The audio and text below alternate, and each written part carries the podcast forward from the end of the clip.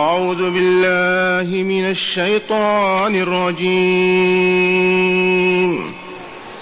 أومن كان ميتا فأحييناه وجعلنا له نورا وجعلنا له نورا يمشي به في الناس كمن مثله في الظلمات كمن مثله في الظلمات ليس بخارج منها.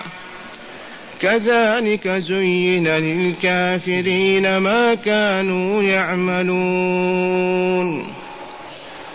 وكذلك جعلنا في كل قرية أكابر مجرميها ليمكروا فيها. وما يمكرون إلا بأنفسهم وما يشعرون.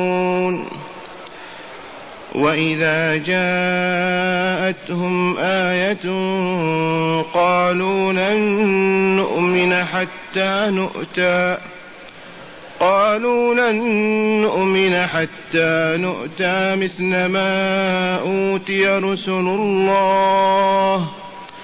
الله أعلم حيث يجعل رسالته. سيصيب الذين أجرموا صغار عند الله وعذاب شديد. وعذاب شديد بما كانوا يمكرون. معاشر المستمعين والمستمعات من المؤمنين والمؤمنات. قول ربنا جل ذكره أومن كان ميتا فأحيناه وجعلنا له نورا يمشي به في الناس كمن مثله في الظلمات ليس بخارج منها. من يسوي بينهما؟ والمراد من الموت هنا أمران الأول موت الكفر والثاني موت الجهل. فالكافر ميت والجاهل مثله إلا أن من آمن حق الإيمان لم يصبح ولا يمسي جاهلا. وإن شئتم حلفت لكم بالله. أن من آمن الإيمان المطلوب لن يعيش جاهلا أبدا بل يتعلم في أسبوعه الذي دخل فيه في الإيمان أو في أكثر أو أقل وتزول موتة الجهل عنه. وإن رأيت مؤمنا جاهلا فما هو بالمؤمن؟ الحقيقي الإيمان الكامل الإيمان. لو آمن حق الإيمان بالله وبعظمته وجلاله وبقدرته وبيده التي بها أو فيها كل شيء.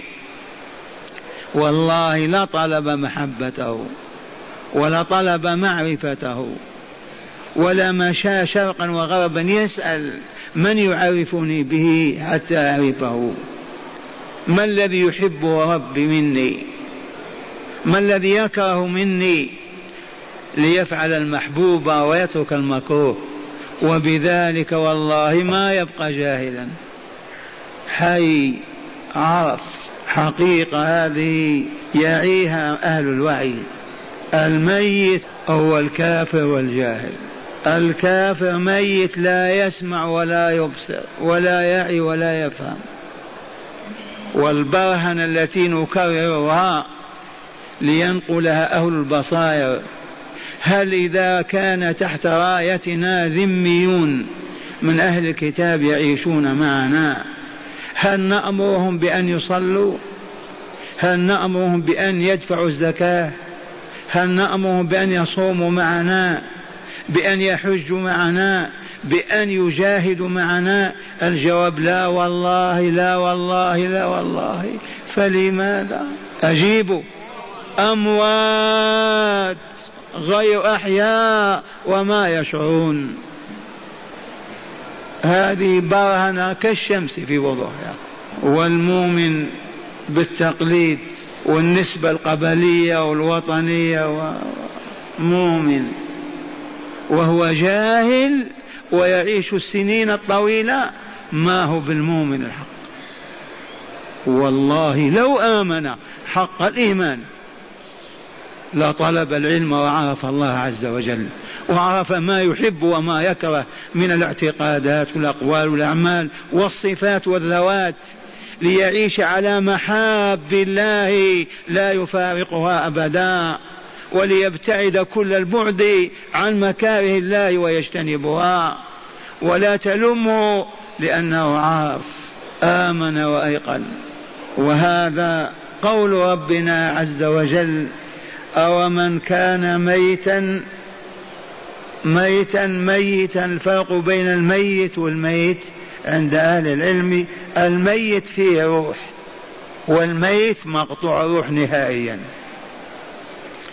أفمن كان ميتا فأحييناه كعمر بن الخطاب رضي الله عنه وبلال وياسر وعمار أما كانوا كفارا مشركين ميتين وإلا لا من أحياهم؟ الله جل جلاله. فأحياهم الله. وانظر إلى ياسر وهو يعذب بأيدي الماكرين المجرمين يعذب بأنواع العذاب في مكة. والرسول صلى الله عليه وسلم يمر به وهو لا يقدر على أن يزيل ذلك المنكر أو يغيره. فيقول صبرا يا آل ياسر فإن موعدكم الجنة. صبرا يا آل ياسر فإن موعدكم الجنة. بلال ابن رباح ذاكم العبد الصالح ولي الله مؤذن رسول الله صلى الله عليه وسلم في هذه المدينة. يضرب بالسياط ويسحب على الأرض الحر أيام القيض كهذه الأيام على وجهه ويقال له فقط اذكر آلهتنا بخير. نرفع العذاب عنك. أذكر محمد بسوء. فلا يضح يقول الله الله الله. أحد أحد أحد. هذا الإيمان. أحياهم بعدما كانوا أمواتا وإلا لا. عرفنا الآن يقينا أن الكافر ميت أن المجرم ميت أن الفاسق ميت. ومن كان ميتا فأحيناه ومن أحياه سوى الله لا يقدر مخلوق على إحياء ميت أبدا. لو تجتمع البشرية كلها على إحياء ميت يحيونه بكل أطبائهم. كذلك جاهل كافر مشرك هالك لو تجتمع البشرية كلها على إحيائه بالإيمان والله ما قدرت ولن يحيا. كم كان رسول الله صلى الله عليه وسلم يتجه صوب الوليد بن المغيرة وأبا جهل وفلان وفلان يدعوهم ويقول الكلمة الطيب والتوجيه السليم الرشيد. ولا يعونه ولا يفهمونه ولا ويقولون لو كان هذا الدين حق لكان نزل علينا. لماذا ينزل على هذا الأمي الذي نحن أكبر منه سنا وأكثر منه مالا؟ هكذا كان الوليد يقول.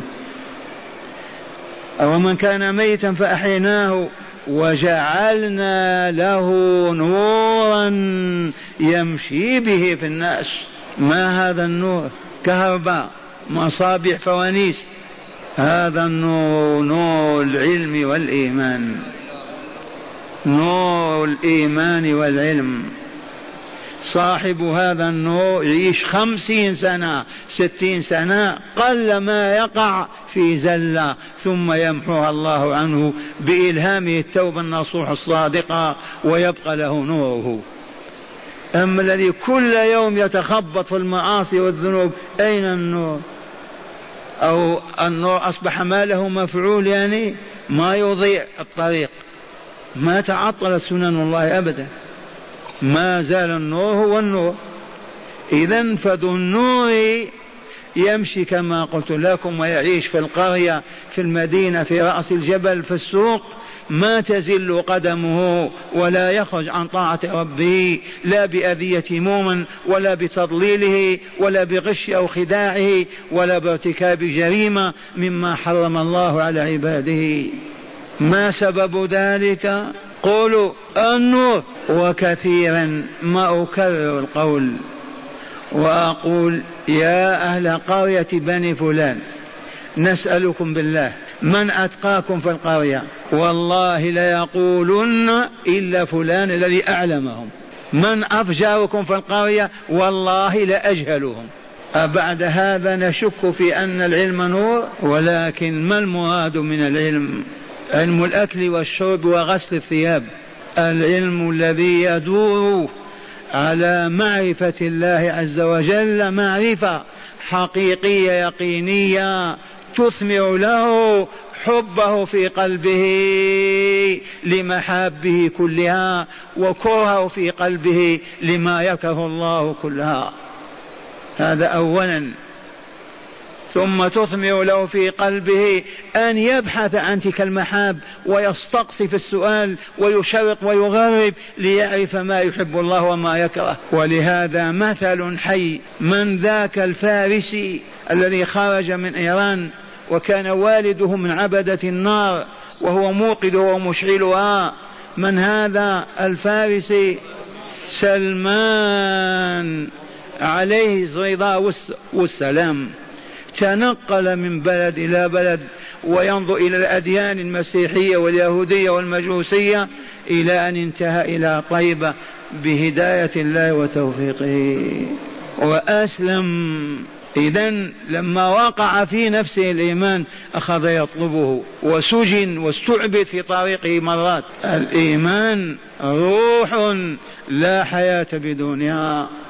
فمن أراد أن يحيي أهل مدينة أو أهل قرية فليعلمهم الإيمان وليعلمهم محاب الله ومكارهه فإذا تضلعوا في ذلك وتفقهوا فليبشر بأنهم أسلموا وآمنوا وتهيأوا لسعادة الدنيا والآخرة.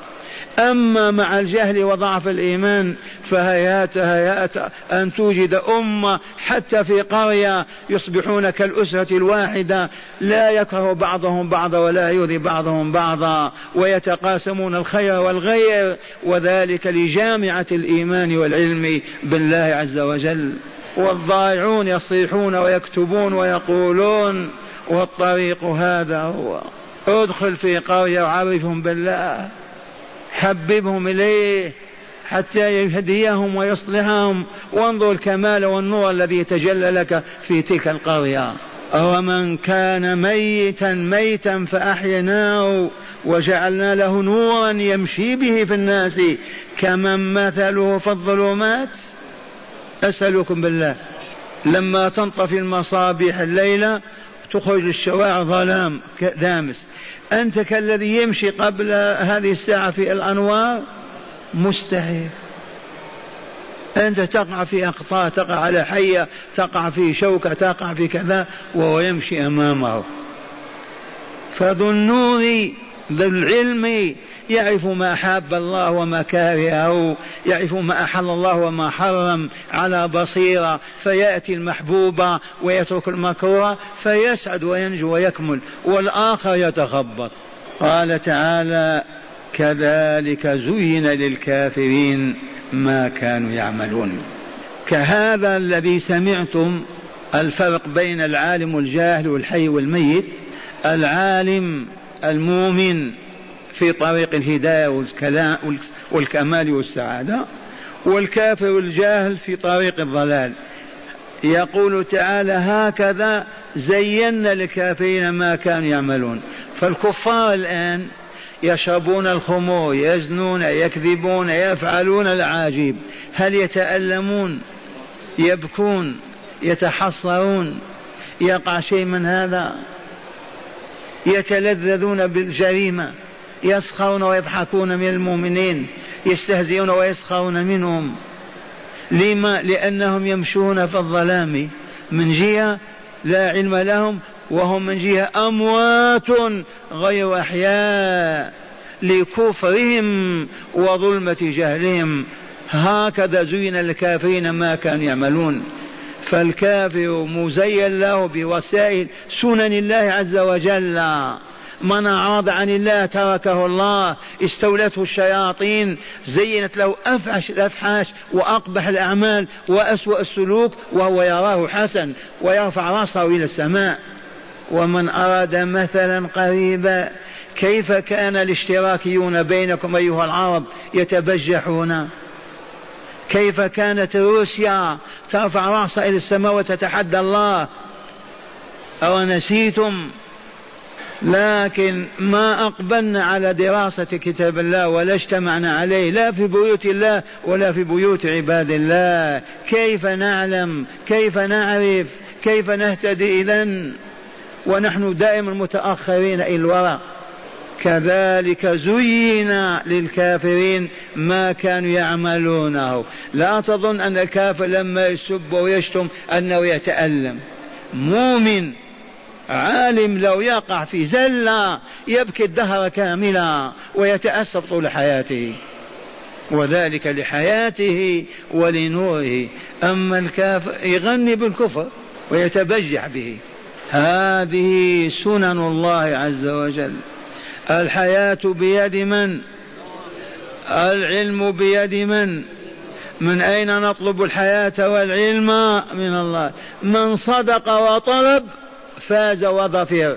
ومن كذب أو نافق وأعرض والله لا يؤمن ولا يعلم. ما في إلا باب الله عز وجل فقط. كذلك زين للكافرين ما كانوا يعملونه من أقبح الأعمال وأسوأها. ما فعلوا بعمار ما فعلوا بامرأته أسماء ما فعلوا ما فعلوا بالمؤمنين. لو كانوا مؤمن يفعلون هكذا. والآن الجرائم التي ترتكب في الديار الجزائرية بالذبح والسلخ والقتل هذا يصدر عن إيمان أو عن علم؟ لا والذي لا إله غيره لا يصدر إلا على أموات. هذه سنة الله. من تركها وأعرض عنها لن تخطئه. ولا بد وأن يحل البلاء به وتنزل المصائب بساحته وييأس ويقنط ويصاب بالعذاب في الدنيا والآخرة. سنة الله لا تتبدل أبدا. الطعام يشبع الماء يروي النار تحرق الحديد يقطع. هل تبطلت هذه السنن؟ تعطلت. ما أصبحت إذا كذلك الإعراض عن الله. وعن معرفته ومحابه والطاعة له ولرسوله لن ينتج هذا العراق إلا الخسران الدائم في الدنيا والآخرة. ولن تملك قوة على الأرض أن تحفظ لك دينك وعقلك وكمالك بهذه الأباطيل والترهات. ثم يقول تعالى وكذلك جعلنا في كل قرية والمراد من القرية المدينة الحاضرة أو العاصمة لا كما في اصطلاح الجغرافيين اليهود والنصارى يطلقون القرية على مجموعة من السكان عكس القرآن والعربية. ونحن نتبجح أيضا بكلامهم. نتبجح بكلام إيه من أعلمنا؟ من درس في باريس ولا في لندن أو موسكو وأصبح عالما. ووا مصيبتاه آه من يبلغ عنا هذا الكلام؟ ما تستطيعون. الكلام الباطل ينتشر على الفور. الشيخ الكلب الفلاني قال كذا وكذا. أما كلام الحق ما فيه. إلى متى ونحن شاهد أطفالنا بالبرانيط في شوارع المدينة؟ ما تتمزق قلوبكم أنتم أموات يعني؟ أحداثنا الأطهار نربيهم على برانيط اليهود والنصارى. حتى البنات يفعلن هذا. ونحن زائرون المسجد النبوي وجينا من بلاد الطائف وغيرها. كيف يتم هذا؟ وانتقلت من الأطفال الصغار إلى الشبيبة كبار البرانيط على رؤوسهم. أيجوز هذا في دين الله؟ أن نتزي بزي الكافرين؟ ونقول نحن مسلمون. والله الذي لا إله غيره لو كنت مؤمنا لو قطع رأسك ما تقبل أن تضع على رأسك. إلى أين نذهب؟ إلى الهاوية. وصدق الله العظيم. ماذا يقول تعالى؟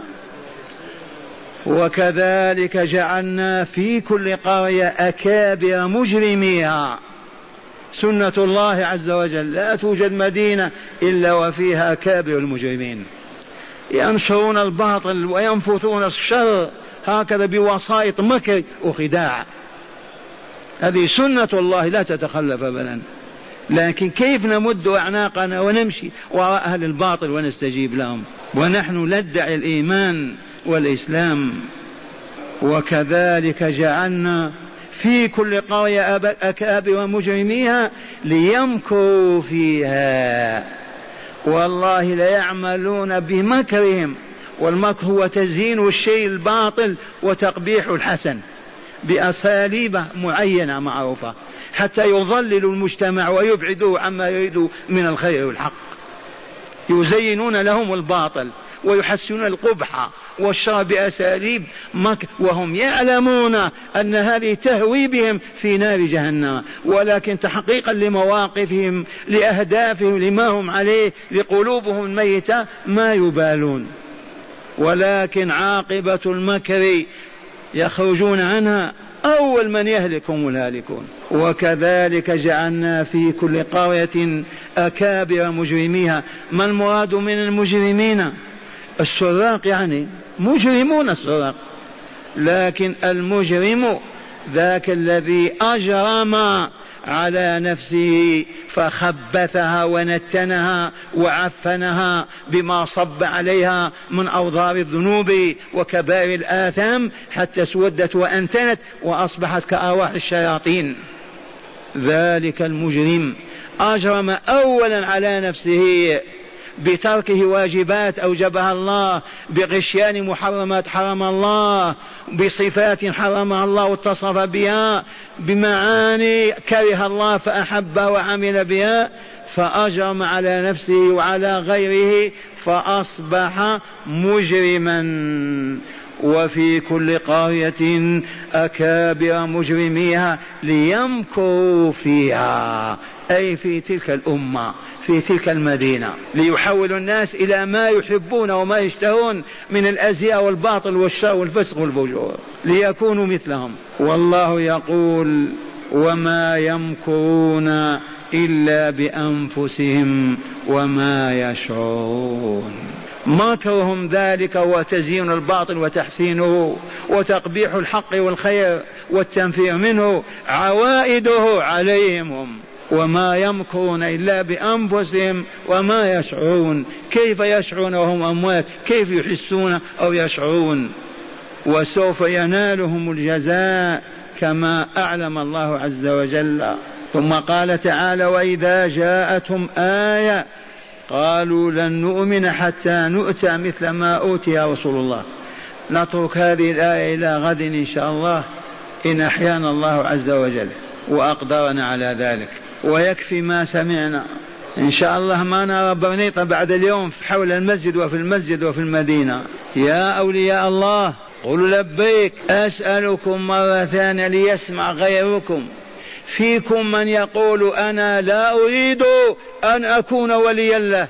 يوجد؟ لأن معنى ذلك قال أنا عدو الله. لا أقل ولا أكثر فولاية الله بماذا تتحقق للعبد؟ بماذا يحصل عليها؟ بالرصاص المدفع أه؟ بماذا؟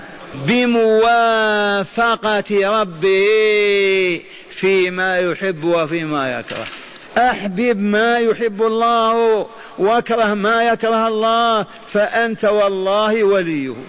عاكسه أبغض ما يحب وأحبب ما يكره. والله لأنت عدوه هذه النقطة عرفتموها؟ الذين ما سمعوها والله معرفتها لخير لهم من أن يعودوا بخمسين ألف ريال إلى بيوتهم. إن كانوا أحياء. أفضل من خمسين ألف ريال. يا شيخ والله خمس ريالات خير لنا منها. هذا يقولها الميت. نعم. أما العالم العارف لا خير من خمسين ألف ريال. ما بدأ من مبادئ الوصول إلى رضا الله عز وجل. يبقى من الآن يسأل عن محاب الله أين تكون وكيف تكون؟ وبما يؤديها لله ليحبه. يأخذ يسأل ما مكاره الله؟ دلني على شيء يكره الله من الآن. أكرهه كما يكره ربي. إذا عرفتم بما نظفر بولاية الله بالبرنيطة على الرأس بالمزامير والأغاني والرقص. بكشف وجوه النساء أو تبختر في الشوارع. بهذا نكون أولياء الله. نكون أولياء الله بأن نعرف الله معرفة حقيقية. ونحبه ونحب ما يحب ونكره ما يكره. والآن مع محاب الله تعالى في هذه الورقة.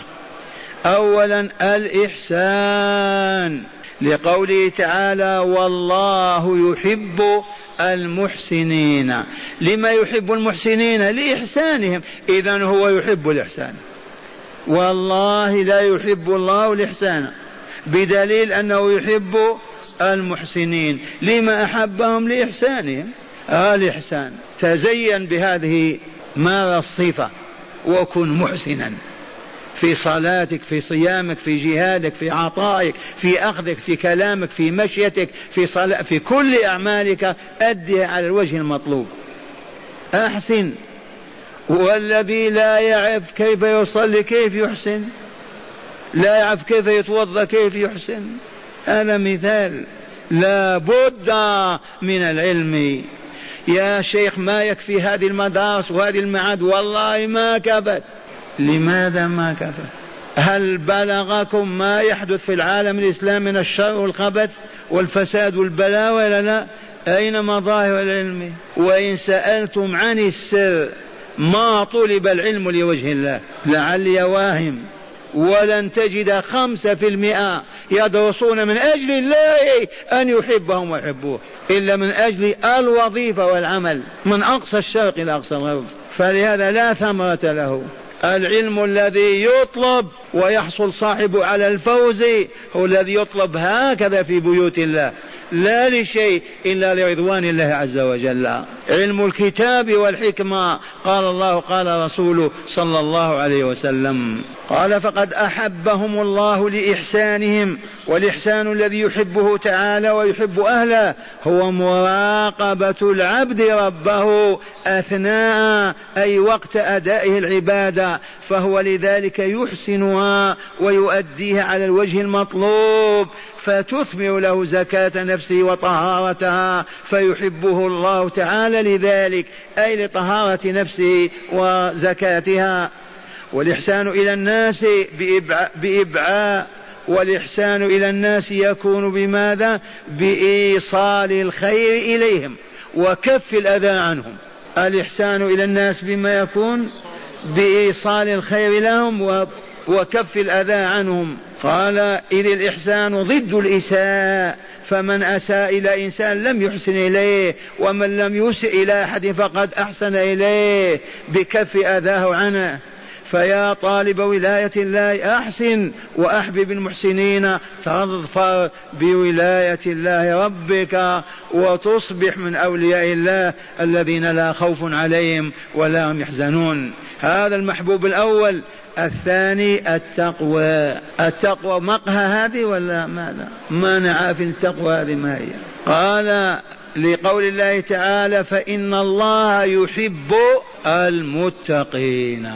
أتدون لماذا يحبهم لأنه طيب وهم طيبون. فالله طيب لا يقبل إلا طيبا. والفاجر غير المتقي. منتن عف كيف يحبه الله عز وجل؟ فقد أحب الله تعالى المتقين لتقواهم له. تلك التقوى التي أثمرت لهم طهارة أرواحهم وزكاة نفوسهم فأحبهم الله تعالى لذلك. إذ التقوى هي طاعة الله في أمره ونهيه وطاعة رسوله صلى الله عليه وسلم في ذلك. وفعل المأمور وهو عبادة تزكي النفس وترك المنهي يبقي على النفس طاهرة وزكية وبذلك تحب وتوالى وتقرب. ألا ألو؟ لأن إخواننا ما سمعوا بألا قالوا بمعنى اسمع انتبه.